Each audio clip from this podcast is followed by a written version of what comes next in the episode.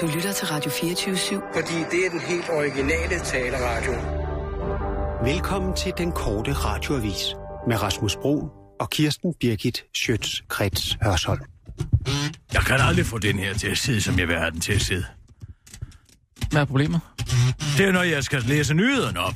Så synes jeg altid, den sidder og rammer mig lige på munden. Ja. Er det bedre nu? Er det bedre nu? Den, den sidder godt, synes jeg. Så skal jeg lige have op, så jeg kan høre mig selv. Sådan. Prrr. Pol Pot pitter på... Prrr. Pol Pot pisser på Pilmarks pinlige pinse... Prrr. Pol Pot pisser på Pilmarks pinlige... Prøv at sige Pol pynter, Pot. pynter i stedet for pisser. Pol Pot pisser på Pilmarks pinlige pinsepynt. Der var den. Bum, bum, bum, bum. Er du klar? Jeg kører. Klar, parat, skarp. Og nu, live fra Radio 24 Studio i København. Her er den korte radiovis med Kirsten Birgit Schøtzgrads Hasholm. Enhedslisten truer med at vælte korridoren. Læg dongpapirerne frem, ellers bliver vi nødt til at stille mistillidsvotum til finansministeren. Så lyder det nu fra regeringens støtteparti Enhedslisten, der er klar til at gå hele vejen for at få kastet lys over det fordægte dongsal. Finansminister Bjørn Korydon er dog ikke til at hverken hugge og stikke i. Jeg har noget viden om det her salg til Goldman Sachs, som jeg er den eneste i landet, der er voksen nok til at have. Så må I bare stole på, at alt er dong. Fjong, udtaler han til den korte radioavis. Finansministeren har ellers fået kritik for at tilbageholde central viden om det famøse salg af afsøllet til den amerikanske investeringsbank. Blandt andet har flere folketingsmedlemmer gentagende gange ønsket svar på, hvilke tilbud der ellers blev afgivet på Dong, om aktieposten blev solgt for billigt, og hvorfor salget af Dong i det hele taget hastede så meget, som det gjorde. Men det tager Bjarne Korydon fortsat utroligt let på. Det er da irriterende, at enhedslisten tror med et mistillidsvotum, men, øh, det, øh, men der er ikke øh, så lang tid til, at jeg alligevel skal videre til Goldman Sachs, så jeg kan sagtens leve med at undermin- under- underminere demokratiet et par måneder endnu. Det er jo ikke sådan, at folk fatter en skid af den her sag. Alligevel udtaler han til den korte radioavis, mens han spiller, bestiller et Darth Vader-kostyme på nettet. Alternativ transportidé fra Alternativet.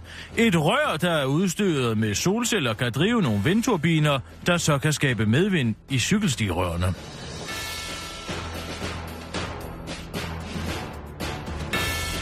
Det er et af forslagene fra Alternativet, der har som mærkesag at omstille transportsystemet i Danmark.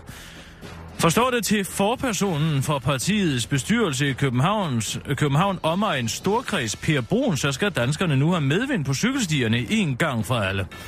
Rigtig mange vil gerne cykle, men har det svært med det danske klima. Rørene burde kunne produceres på, et, øh, på enten skibsværfter eller på vindmøllefabrikker, forklarer Per Brun til Ekstrabladet. Men det er altså bare en bold, der er blevet kastet op til et idélaboratorium, Badut Seminar, Svedhylde, LSD, Holistisk Tantra, Krystal, Mantra, meditationsklaverianse, Healings, Kanaliserings, Regnbuedans, Find på politikmøde. Det forklarer Alternativets for, forperson Uffe Elbæk til den korte radioavis. Det er ingen idé, der skal tages vildt seriøst, medmindre der er nogle rige derude, der har lyst til at finansiere ideen. Er der det? Ellers er det bare en idé, der kommer op på et tidspunkt i processen, hvor vi ikke måtte have nej-hat på, forklarer han til den korte radioavis. Prins Henrik samler blaffer op på Bornholm. En kvindelig blaffer ved navn Sofie Thorsø fra Østerlars fik sig en meget stor overraskelse i går, da hun blev samlet op på Solskinsøen af et folkevognsrobrød fyldt med ældre bevæbnede mænd. Det viste sig nemlig at være prinsgemalens jagtselskab, og det var hans kongelige højhed selv, der sad bag rettet. Det skabte stor moro i bussen, da det gik op for mig, hvem det var, der kørte. Jeg havde jo genkendt flere kendiser bag i bilen, men da jeg så, hvem der kørte, blev jeg helt paf, siger kvinden til DR Bornholm.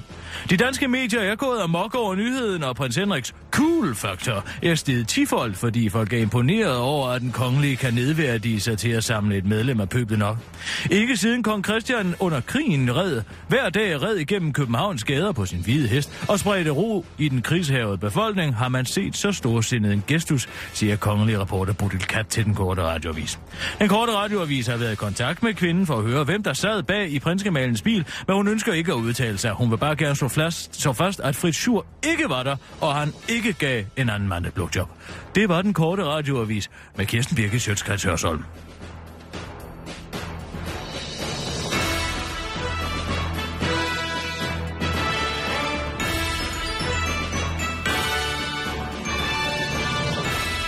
Ja tak, Kirsten. Så er vi ude. Hvad sagde jeg med det valg? Ja, hvad sagde du? Du Ja, hvad sagde ja, jeg? hvad sagde du? Hvad sagde jeg? Du sagde, der blev ikke valg i går. Og hvorfor gjorde jeg det? Fordi, øh, ja altså, måske fordi du begyndte at drikke. Fordi at jeg opnår et klarsyn, når jeg er påvirket, Mm. som ved sidestykke ikke er set siden Oraklet fra Delphi. Gider du køre bordet lidt op? Det var da utroligt. Jeg synes, jeg står sådan lidt og hænger. Gider du? Men det gør du, fordi du har en dårlig holdning. Du har aldrig lært at, at, at rette dig op. Jamen, når bordet For- er så langt nede, så står jeg falder ind over det jo. Forestil dig, at du har en snor i dit hoved. Kan du ikke bare køre? Forestil dig, at du har en snor i dit hoved. Ja, det forestiller jeg mig. Så ret dig op.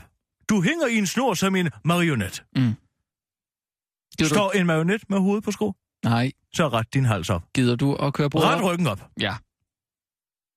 Forestil dig, at du hænger udspændt i en tråd. Ja. Som sidder festnet Ja. i din isse. Lad være med at stå og pille dig selv i øjet. Har du været en far for din far? Kirsten. Har du været en far for din far? Nej, lad nu være. Så gør som jeg siger. Ja, jeg står her, okay? Ret dig op. Sådan. Forestil dig, at du hænger Mm. i en tråd, udspændt i en øje, som sidder fast på din isser. Ja. Armene, skuldrene ned. Skuldrene vil ikke sidde så højt, hvis du hang i en vejer. Sådan ser mine skuldre ud, de sidder deroppe. Det er derfor, du går havnt. Det er fordi, du har så dårlig holdning. Og det er fordi, du skammer dig over Jeg din går og har datbot. ondt, jeg siger, jeg Du skammer dig over din krop. Du finder dig ikke selv til rette i din krop. Det kan jeg se på dig. Kir- Kirsten. Jeg kan se det på dig. Hvis jeg kan gå og trykke dig i solar plexus lige nu, så vil du bryde hultene sammen. Nå, Du tror ikke på mig? så jeg vil bryde hu- hultene sammen. Hvis jeg gik Hvem var det, der brød og- hultene hvis sammen? jeg Det er gik med sag- over- Da Kan jeg du godt lade være med at afbryde mig, når jeg fortæller dig, hvad der er i vejen med din holdning? Hvis jeg gik over og trykkede dig i solar plexus nu, Ja. så vil du bryde fuldstændig sammen. Hele din verden vil styrte i grus. Mm. Ligesom dengang, hvor jeg masserede dig, og du Rasmus, begyndte at det her, det handler ikke om mig. Det handler om dig. Godt. Og den dag var der, hvor Birken sprang ud, og jeg lider af birkepollen. Okay. Jeg, jeg retter ryggen, men gider du alligevel lige at køre bordet lidt op? Fordi når jeg retter ryggen, så kan du se, så er der lidt langt ned til bordet. Tak. Det var Du kan pænt godt af dig. lade være med den tone der. Jeg siger, jeg siger bare... Nej, du siger tak på en nedladende måde. Okay, tusind tak, Kirsten. Det var så lidt. Så ret dig op. Det er ikke til at holde ud og, og se på sådan en skvatteren mand. Tror du, du ville kunne komme i hæren med den holdning? Nej, jeg skal Nej. heller ikke i herren. Nej, det skal du. Virkelig ikke. Nej. Så løber vi der, bliver det vi der først løbet over ind. Ja, men det var i Hvis hvert du fald... står nede okay, ved grænsen, fint. så tænker de, det er skvat. Det kan vi da sagtens overrumple, og det kan de også. Tak. Men det var i hvert fald flot, du kunne øh, forudse, at der ikke blev valg i går. Hvornår bliver der så valg? Jeg er ikke fuld nok til at kunne, til at kunne gøre det. Hvad har du i øh, vandflasken derovre? Er der, Der var krig. der var okay. Skal jeg gå i gang? Ej, ja, så vent lige lidt med det. Jeg vil hellere høre svaret øh, en anden gang, så tror jeg. Men jeg kan fortælle dig, hvorfor enhedslisten nu pludselig tror Corridon. Hvad for noget? Det er en smart sag. Man må give dem noget, om de røde, de skulle snu. Er nogle snu, snufolk. Ja. De er jo bange for at miste Johanna. Ja, det er klart. Hun er Hvis der ikke bliver- øh, Hvis der ikke bliver udskrevet valg Ja. inden 18 dage, så Ja. ryger hun i svinger. Så og så er der hun, ja. generalforsamling på enhedslistens folk, øh, på Ja, ja. ja, ja. partimøde Ja. i Øksenholm. Ja. Og så kan hun ikke sidde der mere. Nej. På grund af rotationsprincippet. Mm. Men hvis Helle Thorning føler sig truet af det samråd, de nu har kaldt Mm. Bjarne Corridon ind i, Ja. så kan hun trykke på valgknappen. Bum. Så bliver alle møder suspenderet Ja, indtil eftervalget. Så det er en gamble. en gamble. Forstår du det? Ja, jeg forstår det godt, ja. Det er smart, ikke? Øh, jo, ja, men... Nu kommer de og spiller med musklerne, Du, tror du, det og vi virker? har en til at tror, trykke. Du, tror du, det virker? Det er svært at sige. Jeg er simpelthen for ædru til at kunne gennemskue det lige nu. Mm. Hvad tror du? Får man en tanke selv? Ah, jeg synes, uh, altså Bjarne Korten, han er ret god til at komme udenom, ikke? Det er en linedans for Helle Thorning. Der er en masse sager, Ja. som de lige skal have gjort, som hun har lovet øh, i øh, nytårstalen. Ja. Hvis, ja. det, det skal jo, kan jo bruges imod dem, hvis de, hvis de ikke opfylder de ting, som de har lovet. Ja. Ikke sandt? Jo, jo. Så det skal hun lige have gjort. Haps, Ja. haps, haps. Ja. Men enhedslisten, de presser på. De står bagved. Men altså, Skubber ind i ryggen. Enhedslisten- Kom så, tryk så på den knap, Helle. Enhedslisten og Bjarne Korten, de er ikke gode venner. Nej, det er de ikke. Nej. Men de kunne have kaldt ham i samråd for længe siden. Det er jo Men ikke det en en idé, ny de lige har fået. Det er en idé, de lige har fået, så Ja, det det, må er det en idé, de lige har fået, fordi at nu tækker, tækker uret ned Men på deres største stemmesluger. Det er Hvorfor? rigtig mange tusinde stemmer. Hun er faktisk den eneste forperson. Ja, jeg sagde forperson. Mm. For et parti, som får flere stemmer end partiet selv. Mm. Det er jo imponerende. Ja. Så hende vil Men hvorfor har de ikke gjort det før? Hvorfor de ikke har gjort det før? Altså, øh, de kunne da godt have kaldt ham i samråd noget før. Ja, det kunne de godt. Men det gjorde de ikke. Nej, det Nej. gjorde de ikke. Og hvorfor ikke? Fordi, at det er nu, det snapper jo. Nå, men hvorfor skal de gøre det lige ned, ned, i, i øh, tidspres, kan man sige? Fordi jeg håbede, det kom før. Men det gjorde det ikke. Mm. Jeg har fået en idé i øvrigt. Der er mange, som henvender sig til mig på gaden nu, spørger mig om dit og dat. Ligesom en læge til en familiefest. Kan du ikke lige kigge på den her? Hvad er der nu her? Er det en byld? Mm. Sådan noget. Ja. Men det er på gader og stræder. Jeg har jo ikke tid til at svare folk. Nej, nej. Så jeg tænker, Nej. om vi skal lave en brevkasse. Hvad, hvad spørger de om? Alt muligt skal jeg gå fra min mand. Hvad vil du gøre karrieremæssigt, kisser? Mm. Alle sådan nogle ting skal jeg sige mit job op. Jeg har fået det her tilbud fra en anden. Hvor er min Spørger de hvilesesring? da bare? Ja. Hvordan forholder du dig til det? Jamen, jeg siger, jeg kan desværre ikke svare på det lige nu. Nej. Jeg er faktisk på vej over til min op. Ja. Og jeg skal ned til Slagterlund, Ja. ja. men de lukker. Men du vil gerne svare på det, eller? Jeg ville så gerne svare, Ja. ja. og jeg kan mærke, at der er et stort behov i befolkningen for at høre min begavede svar. Ja, ja. Det er spørgsmål. Der er mange, Ja. der betragter mig som værende vis. Ja, Og det, det har de jo så. Det er du. Det har de jo ret i. Ja, ja. Det har de ret i. Ja, ja. Det har du. Jeg skal så jeg eksempel... tænker, at vi kan lave en brevkasse om torsdagen. Det er morgen. Øh, hvordan tænker du på? Ja, Altså, hvis altså i jeg nu- radioen? En brevkasse i radioen? Ja, præcis. Altså, man kan lave det som et appendix Ja. til vores nyhedsudsendelse. Ja. Og jeg kan, jo, jeg kan jo tease for den i løbet af en af udsendelserne her, så folk ved, hvor de skal se, hvor de skal... Så, så ligesom din, din, øh, din, din klumme, Kirsten Birgit, på... Præcis. Ja. Og jeg har fundet et skide godt navn til det. Jeg har allerede tænkt det igennem, Ja. og jeg har besluttet mig for, at vi gør det. Men... Ved du, hvad den skal hedde? Kirsten Birgit svarer. Kirsten, Kirsten Birgit, øh, spørg hende. Spørg Kirsten Birgit. Spørg. Så spørg for saten. Der var den. Yes! Ligesom bogen, du har skrevet der. Så Jeg spørg. forestillet mig, at den skulle hedde Kissers Kasse. Kissers kasse. Kissers Kasse. Mm. Eller i kassen med kisser. I kassen med kisser. Kissers Kasse er bedre.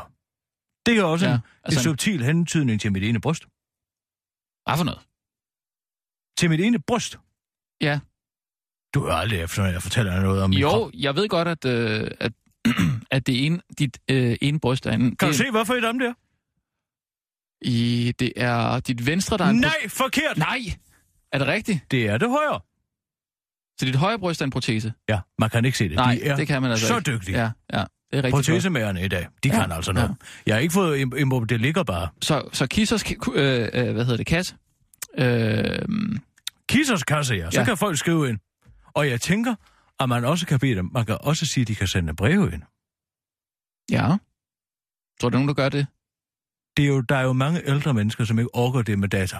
Og det kan jeg godt forstå i den grad, man bliver overvåget. Ja. Ja. Jeg vil heller ikke. Ja. Ja. Selv, for selv hvis man er anonym i dag Mm. til en brevkasseskriver, så kan de jo genkende en på den øh, tastehastighed, man har, og hvad ved jeg. Ja, Altså. ja. Så hvis man gerne bare vil være vandmand, ja. Ja. eller den anonyme, eller Ja. ja. den jaloux, så ved Google alligevel, hvem det er, der skrevet. Ja. Det gør de ikke, hvis man skriver et håndskrevet brev. hvad er det for en type øh, spørgsmål, vi leder efter her? Alt slags. Alt slags. Ikke sådan noget med, hvad skal jeg gøre, min husfred er ved at gå ud, øh, sådan noget. Men hvad? Øh, min husfred, altså en plante. Øh. Ved vanden? Nej, jeg vil da hellere have nogle vigtigere spørgsmål. Jo, men kunne man, kunne man øh, du ved jo meget om, om øh, sex, Jeg ved meget om sex. det gør du. Ja. Øh, kunne man køre lidt derover, fordi det er jo også noget, der er rigtig gode øh, lyttere i. Ikke? Øh, der er mange, der synes, det er spændende. Hvis der kommer et vigtigt spørgsmål fra en kvinde, som føler sig understimuleret og gerne vil vide, mm. hvordan man kan tilfredsstille sig selv, så Men- kan jeg sagtens give nogle af Betty Dodsons gode råd videre. Det er bare et spørgsmål, om vi skal kalde det øh, Kissers øh, sexkusse. Sexkasse. Nå. Hold da Øh, op, Rasmus. Nej, nej, men, det, nej, nej, men øh, Det var dog imponerende, Rasmus. hvad? Der kom det frem. Efter i flere måneder har du påstået, at du ikke har et godt øje til mig. Ved du, hvad det hedder, det der? Det hedder en Freudian slip. Ej, jeg Det tager... hedder, det er det, man kommer til at sige og afsløre, hvad hjertet er fuld af. Du har altid gået og kigget på min figur. Nej. Og nu er det altså min kusse, som du nej, kalder nej, den. nej. Du går og tænker på. Min Kirsten, vulva. Nej, overhovedet ikke. Hvad er det så? Øh, det var bare, jeg, tænkte bare på, at man ikke kunne Du målrette... er så vulgær. Hør, lad nu Så være. stå dog ved din perverterede Nej, tankegang. vent, stop nu. Det er bare fordi, hvis man siger til, uh, til Du lytterne... kan have kukker. Nej, Du er en mildfonder. hvorfor skal vi hver eneste gang, der er et eller andet, så, så mistænker du mig for at være ude efter dig? Fordi du står og taler om min kusse. Nej, det gør jeg ikke. Jeg kom til at sige kusse i stedet for kasse. Det er jo, Og det er jo et ikke- grimt ord. Men vi har da heller ikke sagt det. Du sagde det da lige. Ja, men det var en fejl. Hvorfor går du og tænker på den slags ord? Det gjorde, jeg tænker ikke på det. Jeg har ikke skænket din øh, øh, k- kasse. Vulva! Nej, ja, men din, det har jeg ikke tænkt, tænkt på overhovedet. Jeg tror ikke på det. Jeg, Ikke mere. jeg siger bare, hvis vi kan målrette, hvis vi kan sige til, til, til, til lytterne, det er en sexbrevkasse. Hvad så, hvis folk gerne vil vide, hvor deres hvilesesring er? Jo, men hvis spørg om alt, så kommer der ingenting. Hvis du målretter det, så kommer der så kommer der altså noget mere. Hvorfor skal det hele være så underlødigt? Det skal det da heller ikke, men det er bare det, du... Jamen, okay. Så spørg om alt. Spørg om alt mellem himmel og jord. Jeg, jeg siger bare, at der kan godt være, at der ikke kommer særlig meget så. Men så må vi jo, hvis der ikke kommer noget, lur mig, om der ikke kommer i 10.000 vis Mm. af spørgsmål Ja. til mig. Ja. Det tror jeg godt, du kan regne med. Jamen det... Skal vi ved? Hvad med dilemmaer? Skal vi ved? Ligesom, Jamen, det er jo ligesom- også et spørgsmål. Nå, Det er jo bare nej, en fin måde at sige spørgsmål på. Mm. Skal jeg gøre det ene eller det andet? Det er jo Okay. et tvivlsspørgsmål. Ja, ja, okay. Kissers tvivlkasse. Tvivlkasse. Du er ved Gud ikke noget mar- markedsføringsgeni. Ej, men, men Kirsten, du må da give mig ret i, at man ikke kan, bare kan sige spørg om alt. Det kan man da. Skal vi væde med, hvor mange der kommer? Hvor mange breve der kommer? Øh, Du må væde, måske ikke. Jo, jo, det kan jeg da godt. Hvad skal vi væde? 1.500 kroner? Mm, 2.000? Nej, 1500, så 500 også, det er også godt. 500? Ja, Der er jo ikke noget spænding i. så det, ja, okay, så 1500 kroner. 1.500 kroner? Hvad siger du? Hvad er dit bud? Jeg siger på en uge. Hvornår skal det komme? Hvad- Hvornår? På en uge. Fra onsdag til onsdag. Kom nu, Rasmus. 10. Dit bid. Max 10. Max 10. Ha! Nej, nu må jeg lige. Mm. Der tror jeg, du undervurderer min popularitet. Det kan godt være. Jeg siger, og ved du hvad?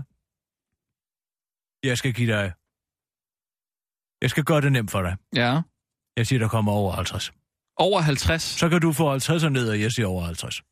Så selvsikker er jeg. Jamen, det er godt. Lad os sige det. Skal vi give hånd på det? Ja. Hvordan har du tænkt dig at markedsføre det så? Jeg nævner det der bare i slutningen af radioavisen. Okay, fint. Er du klar? Ja. Klar, parat, skarp. Og nu, live fra Radio 24 Studio i København. Her er den korte radiovis med Kirsten Birgit Schøtzgrads Hasholm. Derfor truer enhedslisten Koridong.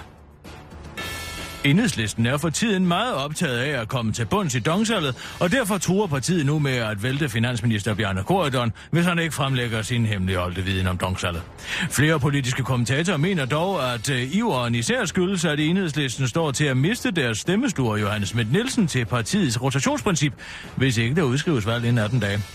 Hvis statsministeren udskriver valg nu, suspenderes alle møder i Folketinget nemlig, og dermed er også det samråd, der vil blive afgørende for, om enhedslisten fortsat kan have tillid til finansministeren. Og det er et samråd, der har potentiale til at blive så ødelæggende for Bjarne Korydons troværdighed, at det i princippet kan tvinge Helle Thorning til at trykke på valgknappen inden den 2. juni, hvor samrådet skal holdes. Hahaha, ja, den er god med dem. Jeg tror, jeg, tror de ikke, at jeg kan sidde igennem et fire timer lang møde, hvor jeg svarer udenom, uden at fremstå utroværdig, så kender de mig meget dårligt, der finansminister Bjarne Korydon til den korte radioavis. Pas på, der er en hugorm. Er ikke en sætning, der bliver sagt så ofte i Danmark, men ikke desto mindre, så er det altså en rigtig god idé at passe på, hvis uheldet skulle være ude, og du møder en hugorm på din vej gennem sommerlandet. Hvert år bliver ca. 70 personer bidt af når de for eksempel bevæger sig gennem heden en varm sommerdag. Og skulle uheldet være ude, så er det en udbredt misforståelse, at man skal suge giften ud. Det må man endelig ikke gøre. Der var engang en, der forsøgte at suge giften ud, men fordi giften hurtigere blev optaget i munden, så hævede hans hals op, og han blev kvalt efter kort tid. Han øh, blev først fundet året efter i Tornekrat, som han formentlig havde forsøgt at skære halsen op med for at skabe fri luftveje, udtaler naturvejleder Torben Hasmark, der opfordrer alle til at iføre sig gummistøvler, hvis de absolut skal færdes i hugormens habitat, som primært er i klit, lyng og hedeområder, men også langs marker, levende hegn i åbne skove, i skovmoser omkring skovsøer, som solen kan skinne ned på. God sommer! Saudi-Arabien søger bødel. Det kan lyde som et nyt reality-koncept øh, til, til Kanal 4, men det er faktisk et jobopslag på Saudi-Arabiens interne jobsite for de offentlige ansatte i oliestaten. Saudi-Arabien henretter nemlig på livet løs i øjeblikket, og de bødler, de har, er ved at være slidt op. Alene i år er, nemlig 5, er 85 nemlig blevet halshugget, mens 90 blev henrettet hele sidste år. Derfor søger Saudi-Arabien nu otte nye bødler. Som det er nu, er vores bødler ved at være nedslidte. Mange har fået tennisalbue af at hugge hovederne og så mange, og man kan, skal også huske, at der ved siden af henrettelserne også er en del amputationer. Men de kræver jo altså også en kraftanstrengelse, siger den 79-årige kong Salman til den korte radioavis. Mange røster, særligt fra menneskerettighedsorganisationer, kræver, at verdenssamfundet tager færre over for Saudi-Arabiens uhyreligheder mod deres egen befolkning. Uha, det vil vi gerne, men de har så frygtelig meget olie, så det er ikke lige det bedste for benzinpriserne, siger verdenssamfundet i en pressemeddelelse. I Kina er man omvendt meget glade for, at Saudi-Arabien tager al henrettelsesopmærksomhed. Vi er bare glade for, at ingen rigtig bryder sig om, at vi henretter over 1000 mennesker om året. Men det er nok fordi, at vi gør det med et gavær og ikke en sabel, siger, talsmand, øh, siger en talsmand for Kina til den korte radioavis. Jobbet som bødel kræver i øvrigt ingen uddannelse, hvis man skulle have lyst til at søge det. Det var den korte radioavis med Kirsten Birgit Schøtzgrads Hørsholm. Men nu til en servicemeddelelse. Har du et spørgsmål, som du ønsker, at jeg skal besvare, så kan du altså stille et spørgsmål til mig på mail som lyder den korte radioavis snabelag radio247.dk og det er altså radio 24 med tal og 7 med bogstaver.dk. Du kan også sende et brev til Radio 247 Vesterfej Mærksgade 41 1606 København V og mærk kuverten Kissers Kasse. Og du kan spørge om lige, hvad du har lyst til. Send dit spørgsmål ind snarest muligt. Ja, det var servicemeddelelsen fra Kirsten Birgit Sjøtskreds Hørsson. Og det var snarest muligt.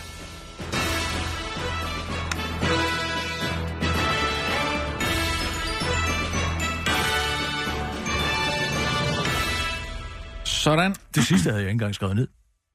Det er utroligt. Det fandt jeg bare på. Ja, Det er kom direkte Ja. fra min frontallap ud i min mund. Det er flot.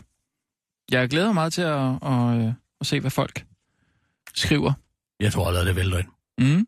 Sissel, er der kommet nogen endnu? Nej. Ikke endnu? Nej, det er måske også lige hurtigt nok, Ja, for ja. at de kan skrive det på 15 sekunder. Mm. Hvad har du i, Jeg skal også lige have tændt op hvad har du, for i, PC. hvad har du i kulturkanylen i dag? Cirkusrevyen. Cirkusrevyen. Cirkusrevyen. Den havde premiere i sidste uge. jo. Den havde premiere torsdag, ja. Ja, det er, det er jo lidt en gammel en, så, ikke? Den er ikke sådan så... Bare rolig, Rasmus. Den kører frem til den 29. august. jamen, jeg mener- Folk kan godt stadig få noget ud af at høre min anmeldelse. Bare rolig. Jamen, den har bare... Den er, blevet, Ja, den har premiere. jamen, den er også blevet anmeldt mange steder, ikke? Ja, det er den. Forkert anmeldt. Forkert anmeldt. Vi se. Fem hjerter i politikken. Hvor herre bevares. Ja, det ændrer sig, når min kommer i tidene. Nå, var det ikke... Øh... Var det ikke noget særligt, eller hvad? Nej, det kan man ikke sige. Kan man ikke sige, det var. Jeg har skrevet overskriften her. Den synes jeg selv er meget godt fundet på. Mm. I skovens dybe stille gro. Gro. Gro Ja. er morsom. Og var det decideret dårligt, eller Ja, hvad? det kan man godt sige. Det er Nå. faktisk ærgerligt, for jeg er en revypige. Ej, Jeg må altså lige se, hvad der har været af anmeldelser. Det var ærgerligt, for jeg er en revypige. Du er en revypige? Jeg er en revypige. Ja, okay. Jeg er faktisk... Øh, stod faktisk backstage til Tivoli Revyen i 80, I 80, hvor øh, den aften, den 3. september, den 3. september. den 3. september, hvor Dirk døde. Dirk Passer. Den aften, ja, der var jeg, jeg var sendt over af stiften, og jeg arbejdede på det tidspunkt. Og, øh, og skulle dække det simpelthen, skrive en rapportage om, du ved, Ja. ja. nyt for nyt fra København, og sådan noget, fik jeg lov til at stå der. Og jeg fulgte faktisk af forestillingen en uge. Dengang var der jo tid. Har du mødt Dirk Passer? Ja, ja, han havde godt øje til mig. Det han. Fulgte med. Du har da ikke været særlig gammel der, så. Jeg var 28, ikke? Nå ja, okay, ja. Så jeg var en, ja, en flot figur dengang. Jeg Ja. tager jo løbende på, Ja. som jeg også har fortalt dig. Ja. Dengang var jeg slank. Og der var det du jeg. slank, Ja, det var godt. Jeg var godt ja. slank piger. Ja. Og han var en, altså en charmtrold. Mm. Men så var han ikke brugt ud på det tidspunkt. Men han var en gigant. Ja. Han var en gigant, men Ja. han brugte også sig selv hårdt. Ja. Det var, det, det, det, det gjorde han. Det var en, Mm. det var en, det var en meget særlig aften. Han lavede jo det over en, en, øh, en parodi på, øhm, på Kim Larsen, Ja. som folk synes var hylemorsom. Han Ja. brød sig faktisk ikke selv om den, det fortalte han mig. Nå. Øhm, han fortalte også mig, at han havde polygraf. Og ved du, hvad han sagde til mig? Jeg var også, jeg levede en hedonistisk livsstil allerede dengang, og sagde til, dig, jeg sagde til mig, Kirsten Birgit, hvis du fortsætter sådan, så får du polygraf ligesom mig. Ja. Og ved du hvad? Det har jeg fået. At du har godt. Ja, ja, det har jeg jo. Ja. Men det var bare for at fortælle, at han også var en fremsynet her. Okay, ja, ja. Og han vidste, at hvis man altså spiste godt og drak Ja. godt, så fik Ja. man altså på det på Ja. tidspunkt. Det kan ikke undgå, så det gør helvedes ondt, det kan de sgu sige. Men Men han så du det ikke som en advarsel, eller hvad? Altså, det er ikke noget, du har taget til dig, sådan særligt. Nej. Nej, nej, men livet følger livsstilssygdom, sådan er Men, det. men, men Kirsten, han, han døde jo Ja, ja, han døde. alt, alt for tidligt. Ja, men han har haft et godt liv. Det sjove ved den aften, Mm. det var, at han havde som sagt lavet den her parodi på, øh, på Kim Larsen, som man ikke selv brød sig særlig meget Ja, ja. men publikum tog godt imod den. Ja. Og, og, og Kim har senere fortalt mig, at den sad hårdt. Den ramte ham. Den ramte Nå, ham det faktisk. den alligevel, ja, ja. fordi selvom han ikke lavede... Han lavede faktisk ikke en særlig god... Altså Kim Larsen. Der er mange, der laver Kim Larsen bedre, som sådan, Nå, altså selve på skuespillet. Men han ramte hans, hans selvoptagethed, hans skabethed. Og den gjorde ondt. Og det Nå. kunne han godt se. Ja. Og det var det, der gjorde Dirk så god. Det var, Mm. at han kunne altså analysere, gå ind bag ved det der. Mange Mm, laver en ja. overfladisk parodi. Ja, han- han ligesom vidste- når du ja. laver stemmer Ja, i, øh, i, i satirs der, så er den på overfladen, men du kunne Ja. aldrig ind til kernen. Nej, nej, det nej. gjorde han. Han, Ja, var, han var en kirurg. Ja. Altså en karakter Hvor- Hvordan fandt han frem til det, tror du? Man ser lige gennem folk. Han så også lige gennem mig. Det var Ja. ja. derfor, han sagde, hvis du ikke passer på. Og det Det kunne, nå, okay, ja, ja.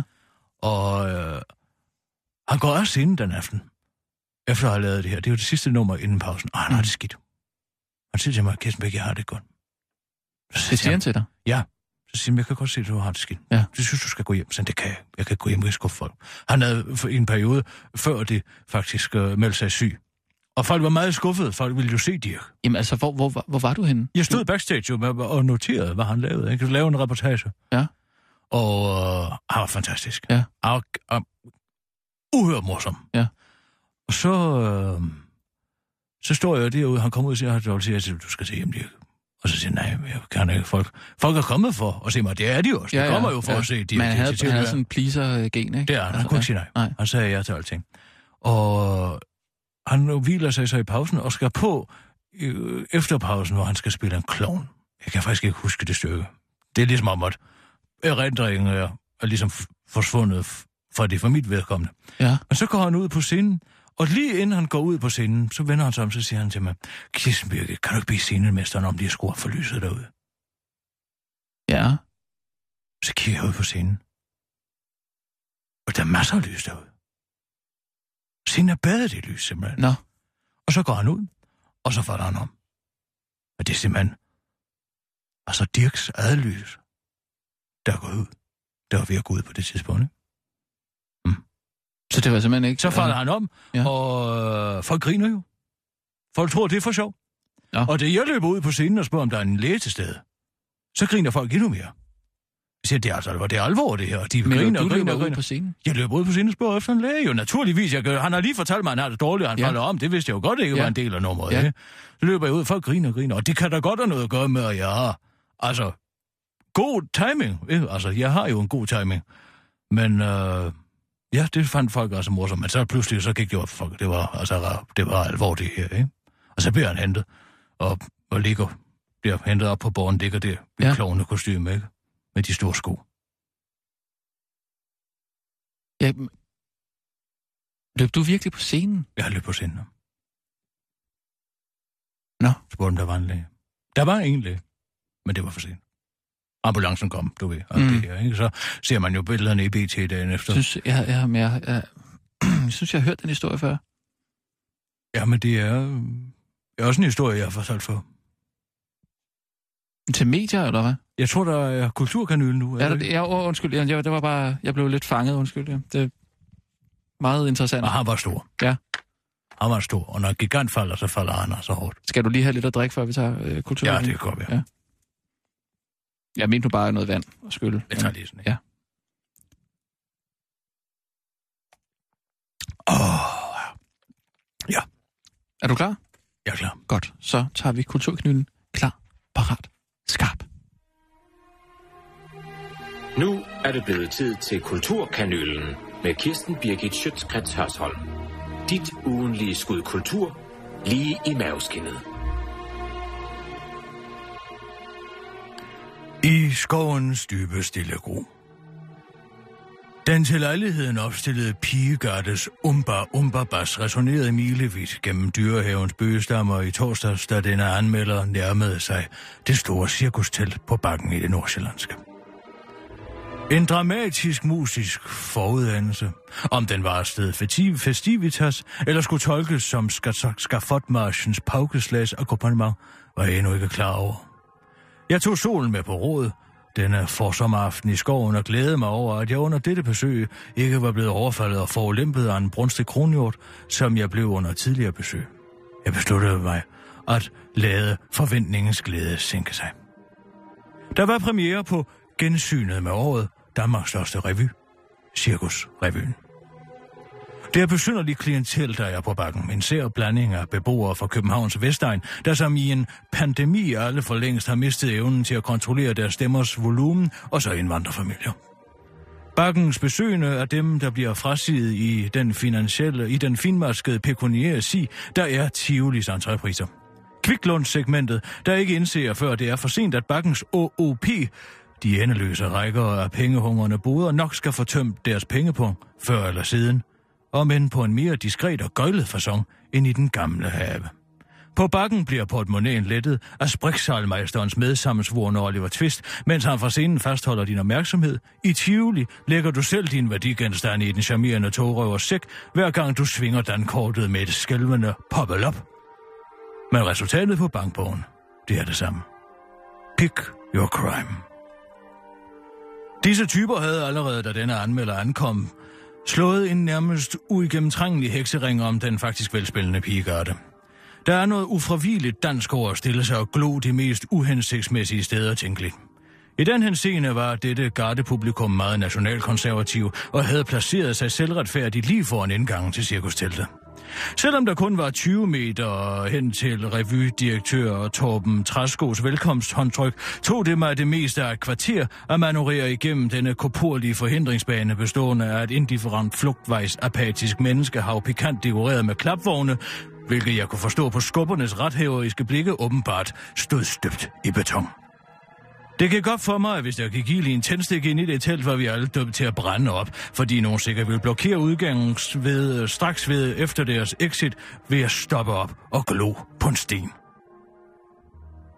Efter at have trykket direktør Træsko i hånden, ændrede klientellet sig dog som ved et trylleslag, og bestod nu af kendiser og indfødte nordsjællændere, hvis velstand kan måles på deres tand der afslører i hvor høj grad privatøkonomien tillader at flygte fra de korte danske vinterdage. Jo mørkere, jo rigere. Det var som at bladre igennem en mappe med vareprøver fra Lederland. Da klokken var 5 minutter i showtime, slog jeg røven i sædet på række 12 og konstaterede, at sadlen stadig var halvtom. Dernæst begyndte en tak for sidst ballet på 45 minutter med aftens publikum som de optrædende. Det virkede øh, som den eksperimentelle afprøvning af en matematisk hypotese om, hvor mange kindkys og overfladiske komplimenter, der maksimalt kan forekomme blandt en mængde af 1200 individer. Endelig, 40 minutter efter det officielle premieretidspunkt, falder salen til ro, og jeg sidder som hypotenusen i en kendis bermuda trekant med skuespillerskurken Max Hansen og revysøn Sten Stig Lommer som kateter. Kapelmester James Prise sætter det, der skulle vise sig at være et yderst kompetent og velspillende orkester, godt i gang. Men det, der følger, er en generelt umorsom affære. Komik er at invitere folk med på en køretur og fortælle dem, at man har tænkt sig at køre galt, men stadig overraske dem, når man gør det, har komikeren Kasper Christensen engang sagt. Sikkert i en parafrase over W.C. Fields citat, men der er sandhed i tankegangen. Placerer man årets cirkusrevy den metafor, svarer det til, at forestillingen slår autopiloten til, springer ud af bilen og råber, god fornøjelse. Du kommer som publikum stadig fra A til B, men du kan forudse, hvor du kører galt hver eneste gang vejen slår det mindste sving. Til sidst blev det faktisk en sport for mig at se, om jeg kunne forudse pointerne i hver sketch. Det lykkedes som regel omkring halvvejs igennem. Som for eksempel i sketchen All Inclusive.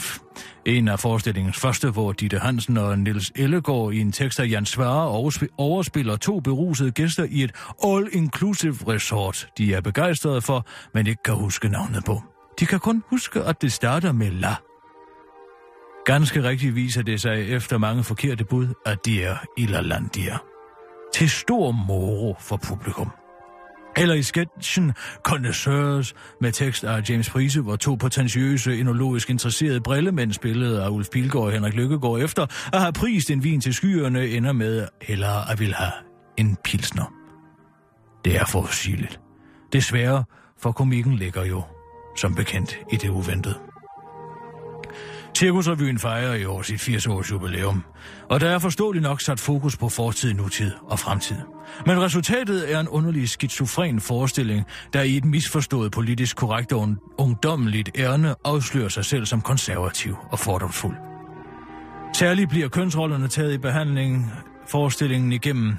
Gammelt møder nys i en genfortolkning af Elgar Olgas revyklassiker Solitudevej, hvilken Lisbeth Dahl genopfører, men bliver afbrudt af Ditte Hansen, der indevender, at ingen moderne kvinde ville finde sig i at blive behandlet som Gertrude, nej, fra Solitudevej, der apatisk og uden rettigheder øh, finder sig i at blive, øh, bliver forladt af sin kaj til fordel for en anden kvinde og ender som gammel jomfru i et uforløst liv. Nej, den moderne kvinde ville skulle selv tage affære, indvender Ditte Hansen i et Beyoncé-inspireret R&B kvindefrigørelsesnummer, mens hun bliver akkompagneret af en dansetrup i øvrigt udelukkende bestående af unge dansepiger, der slanger sig sensuelt inciterende og twerker under vilde pift og tilråb fra salens liderlige, småsnallerede mandlige publikum. Det er en situation så himmelråbende, tåbelig og selvmodsigende, at man ikke ved, om man skal grine eller græde. Aftenens absolute lavpunkt kommer i nummeret Ytre. Imperativformen er verbet ytre, hvor Cirkusrevyens Grand Old Man, Ulf Pilgaard, leverer det mest moraliserende stykke magtværk skrevet af Karl Erik Sørensen, jeg i mine år som revygænger har været vidne til. Nummeret er inkarnationen af den midtersøgende konfliktsky holdning, politikken, politikken segmentet har til ytringsfrihedsdebatten, hvor hovedargumentet er, at man ikke har ytringspligt. Hvor herre bevares. Inspirationen er åbenlys. Hvorfor tegner vi ikke Buddha, der giver et blowjob, spørger Ulf retorisk i halvrecitativ over en flamingo chasserende tværs over scenen. Hvorfor tegner vi ikke Jomfru Maria, der bliver bollet af en ged, spørger han igen. Fordi Øh, selvom svaret er åbenlyst, fordi det bliver man ikke slået ihjel af, Ulf. Nej, siger Ulf, det er fordi det er sjovt at sparke nedad.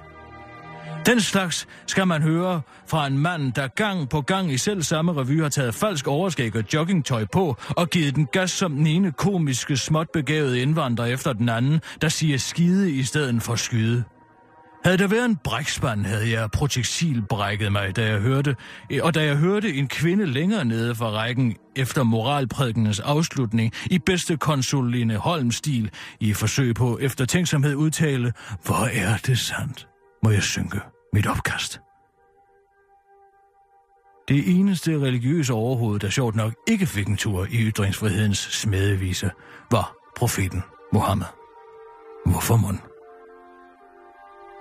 Skuespillertruppen gør det generelt godt, på trods af det elendige tekstforlag, der foreligger. Selvom Nils Ellegaard skaber sig, når han burde spille og ikke tilnærmelsesvis kan synge, ligesom Ulf ikke har øvet sig på ensemblenummerne og hans mundtøj flere gange afslører, at han ikke kan teksten i korne, så er der lyspunkter i forestillingen. Ditte Hansen og Henrik Lykkegaard skal nævnes som nogle fremragende impersonatorer. Særligt godt gør Ditte Hansen den, øh, det i rollerne som Inger Støjbær og Helle thorning Schmidt, på trods af, at der er mange spark til højre benet. Der er som sådan ikke noget i vejen med, at punchlinen ligger til højre benet. Problemet er bare, når man bliver nødt til at placere punchlinen med møje og besvær omhyggeligt foran højre benet for at kunne sparke til den. Man føler ofte i forestillinger, at der bliver gjort vold på materialet. Det bliver vredet, mast og strakt for at få punchliningen til at give mening. Som for eksempel, når der skal opfindes en kompliceret hårfagningshistorie for, at Inger Støjberg kan komme med punchlinen. Sådan slipper man af med en fejlfarve. Det virker decideret søgt. Ditte Hansen formår dog som den eneste i Danmark at lave en overbevisende Helle thorning Schmidt, og det slår hende fast som Danmarks førende paudiøse. For den er svær. Bravo. 1. Nummeret af de 23 fik mig decideret til at le. Det var Henrik Lykkegaard og Lisbeth Dahl i rollerne som henholdsvis Christian Thulesen Dahl og Pia Kjærsgaard. Det var ikke teksten, der var morsom, og heller ikke stemmeparodierne, for den slags gør Lisbeth Dahl sig nemlig overhovedet ikke i, men de to havde til perfektion fanget den kropslige akavethed, mange fra højrefløjen præsterer. Det var morsomt bevares. Og også grunden til, at forestillingen kan snige sig op på en enkelt kanyle ud af seks. Mere kan det ikke blive til fra denne anmelder. Cirkusrevyen er instrueret af Lisbeth Dahl og havde premiere torsdag den 14. maj og løber frem til den 29. august.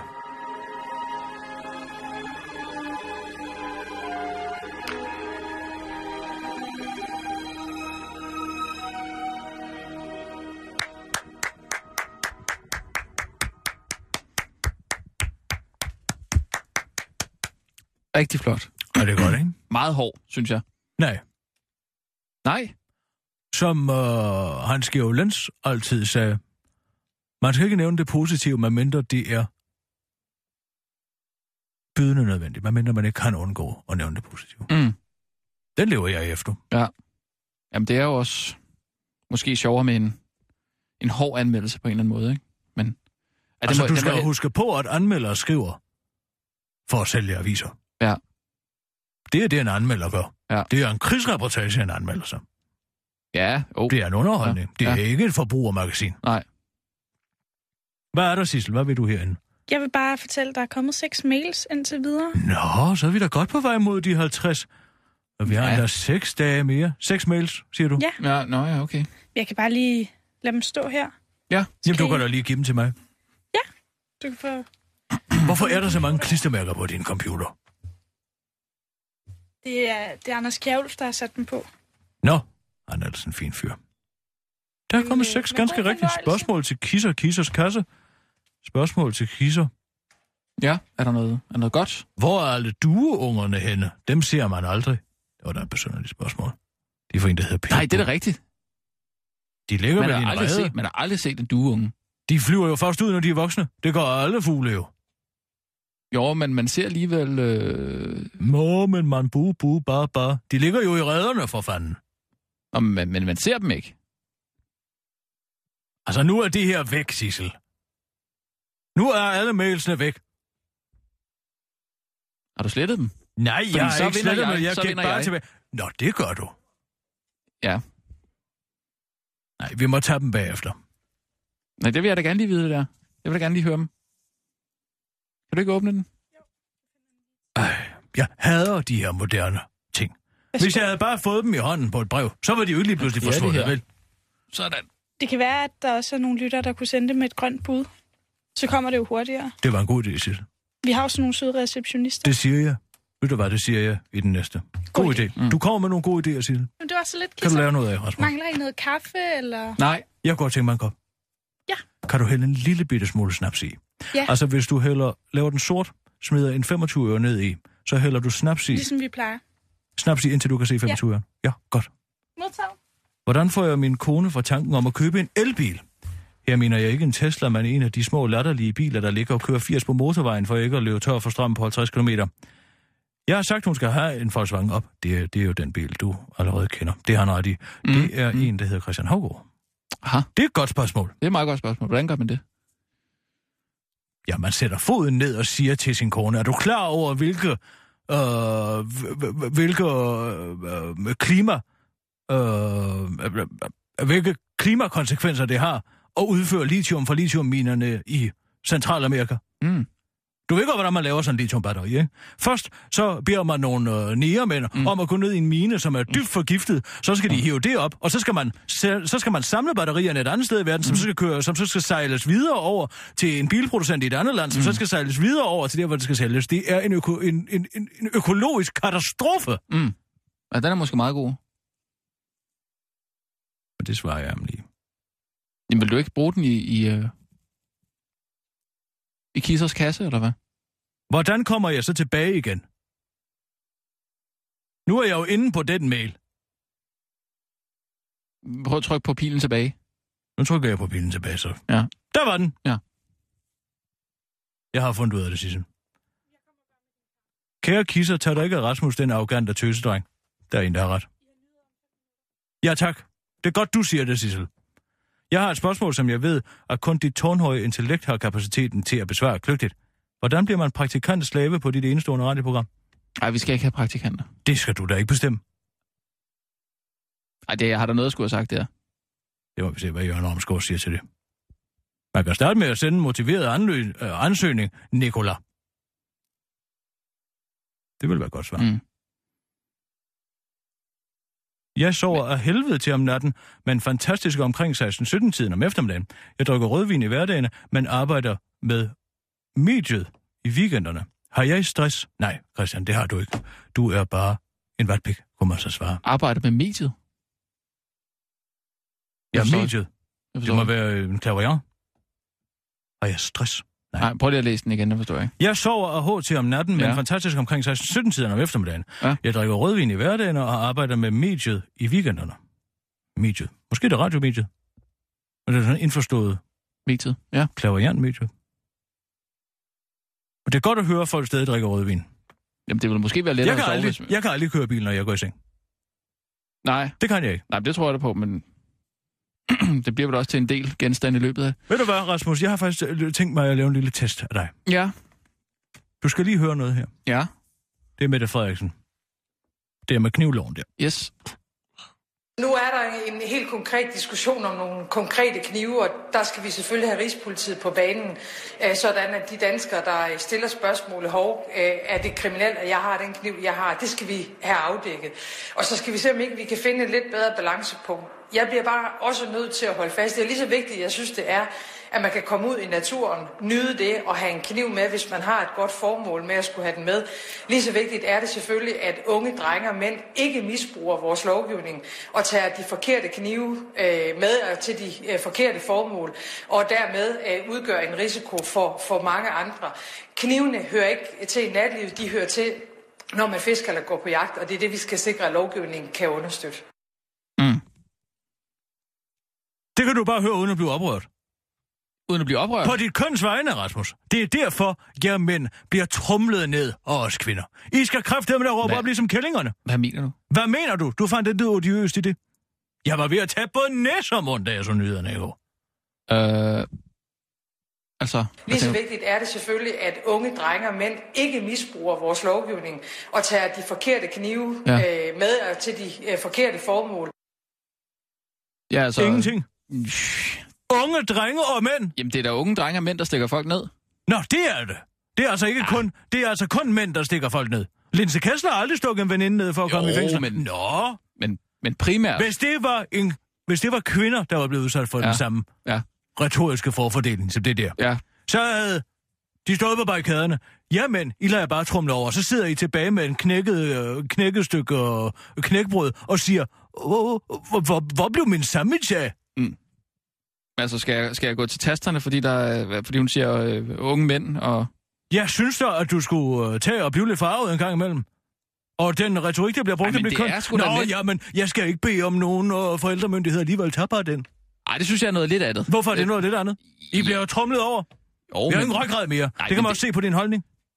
Som du nu igen står med krum ryg. Selvom jeg har fortalt dig, at du skal forestille dig, at Jamen, du har en wire her, op i men- dit hoved. Men, men, men Kirsten, er det ikke rigtigt? Det er primært er mænd, der, øh, unge mænd, der, der, der stikker folk ned Ja, det er primært Ja, unge mænd, der ja. stikker det ned. Men det er jo ikke kun unge mænd, der skal fatte det her. Desuden så bliver jeg simpelthen også så provokeret over, at man kun må tage en kniv, en kniv med ud i skoven, hvis man har et godt formål. Hvad fanden rager det dig, Mette Frederiksen? Hvad fanden rager det alle mulige andre Mm. mennesker? Så længe man ikke stikker nogen ned, så kan man sgu da gå rundt med en kniv op i røven, hvis det er det, man vil. Jamen, hvad skal man bruge en kniv til, medmindre man har et godt formål? Hvad rager det dig? Hvad skal man bruge det ene og det andet til? Hvad skal du bruge din anonymitet til, hvis du ikke, vil bruge, hvis du ikke bruger den til at lave kriminalitet? Den der argumentation, den kan du stikke lige direkte op, hvor solen ikke skinner. Det kan jeg godt fortælle dig, kammerat. Mm. Jeg kunne da gå ned ad gaden med en bagnet. Hvad rager det, øh, Mette Frederiksen? Helt ærligt, hvad rager det hende, så længe Ja. jeg ikke stikker nogen ned? Men hvis der er nogen, der, der provokerer dig, så kan det være, at du kommer til at bruge den jo.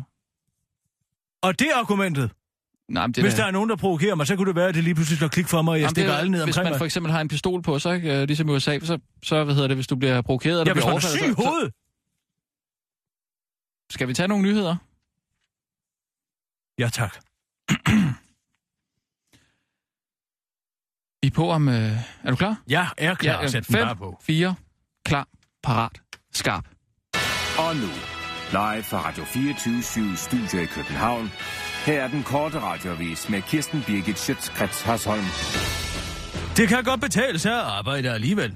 Det kan det i hvert fald følge en ny beregning, LO netop har foretaget. Hvis man sænker kontanthjælpen, forringer man samtidig fordelen ved at tage et arbejde. Jo lavere sats, des bedre kan det betale sig at blive hjemme på sofaen, lyder konklusionen på beregningerne. Og forklaringen er, at, man, at sænker man satsen for kontanthjælp, så stiger tilskuddet til husleje og søskenderabat i daginstitutionen så meget, at det næsten udligner tabet. Hvis den ene ægtefælde derefter tager et lavt lønsjob, skal familien lægge nye udgifter til fagforening, A-kasser og højere skat ind i husholdningsbudgettet. Samlet set falder gevinsten ved at tage et arbejde fra 1.062 kroner til sølle 843 kroner, hvis man sænker kontanthjælpen med 4.000 kroner per person. Venstres formand Lars Løkke har taget beregningerne til sig og kan godt se, at der er noget om snakken. Jeg hører, hvad de siger. Vi skal også skære i tilskuddene, før det kan betale sig at arbejde. No problemo, udtaler Lars Løkke til den korte radioavis. Shawarmas byd brugt til nedstikning på Nørrebro i nat. En blev stukket i fingeren, en anden i nakken, da to mænd blev stukket ned på jagtvej på Nørrebro i København natten til i dag. Det var dog ikke en foldekniv, der kunne betjenes med den ene hånd, et våben, der er meget farligere end en almindelig kniv, men derimod spydet fra en shawarma, der blev brugt til overfaldet. Årsagen til stikkeriet må formentlig være uoverensstemmelser, udtaler vagthævende fra Københavns politi Henrik Stormer til Ekstrabladet i et øjebliks klarsyn. Og den slags burde ikke kunne ske, mener et bredt flertal i, i Folketinget. De har derfor kun udenom SF, R og Ø vedtaget at forbyde rullekebabber i hele landet.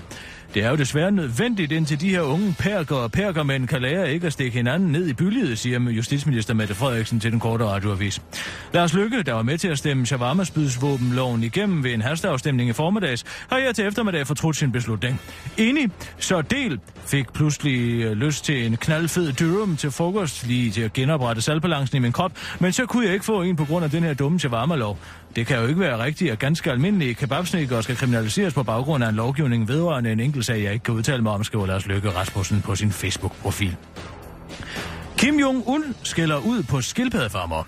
En håndfuld skildpaddefarmer i Nordkorea frygter i disse dage for deres liv, fordi den trine leder Kim Jong-un påtalte deres arbejde i stærkt negative vendinger under virksomhedsbesøg tidligere på ugen. Det var særligt færdsvandsbassinet til hummer, som den karseklippede koreaner fandt inkompetent, gammeldags og uansvarlig, og det er et problem, for som Jyllandsposten skriver, så er, citat, hummer en populær spise i det koreanske køkken, hvor man normalt serverer dem i en suppe, der både bliver værdsat, fordi den er god næring, men også fordi mange koreanere mener, at den smager godt. Citat slut. Men skildpaddeformen, der er grundlagt af Kim Jong-il, Øh, så arbejder fik altså en kraftig reprimande, der blandt andet indbar en offentlig, øh, en offentlig udtalelse om, at hvis alle mænd i Nordkorea arbejdede som dem på denne farm, så ville landet aldrig opnå de visionære mål, som Kim Jong-uns far havde sat for landet. De mange skildpaddefarmer ventes at blive henrettet snarligt ved at blive samlet på en øde mark og så meget ned med en 70 mm antiluftværnskanon, som øh, det er på mode i Nordkorea. Det var da en genial idé, siger Saudi-Arabiens kong Salman til den korte radiovis og tilføjer. Jeg er sikker på, at jeg godt kan finde en imam, der kan læse Koranen, som fanden læser Bibelen og fortolke Guds ord, sådan så det øh, i virkeligheden var en af Mohammeds haditter at henrække folk med antiluftværnkanoner i stedet for med en sabel. Så behøver vi heller ikke at ansætte nogle nye bødler, afslutter han.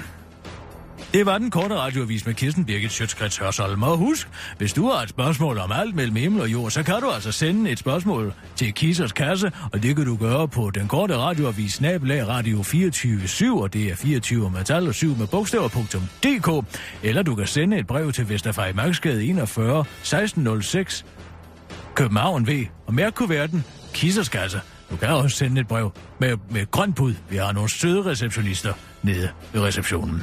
Og det var altså et spørgsmål om alt mellem himmel og jord til Kisers kasse.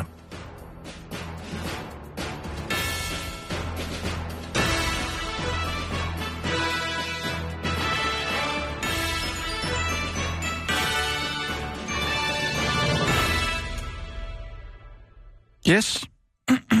så er vi ude. Det er altså mærkeligt, den uh, cirkusrevy for superanmeldelser over hele linjen. Ja, det er mærkeligt. Det er meget mærkeligt, at den gør det. Hvordan kan der være så stor forskel? Det kan jeg ikke forstå. Folk er jo bange for at nedsætte, mm, nedsætte cirkusrevyen. Det er jo en kulturinstitution. Det er jo svært til at sige, at uh, guldhunden er noget lort. Åh, oh, lige Og frem. folk er så bange. Det er så indspiste. Nej, Mm. nej, jeg frygter ikke nogen. Ulf, han kan bare komme an. Ja. Men tak for den i hvert Ja, fald. det var slet. Jeg tager hjem. Det skal også sende den til politikken nu.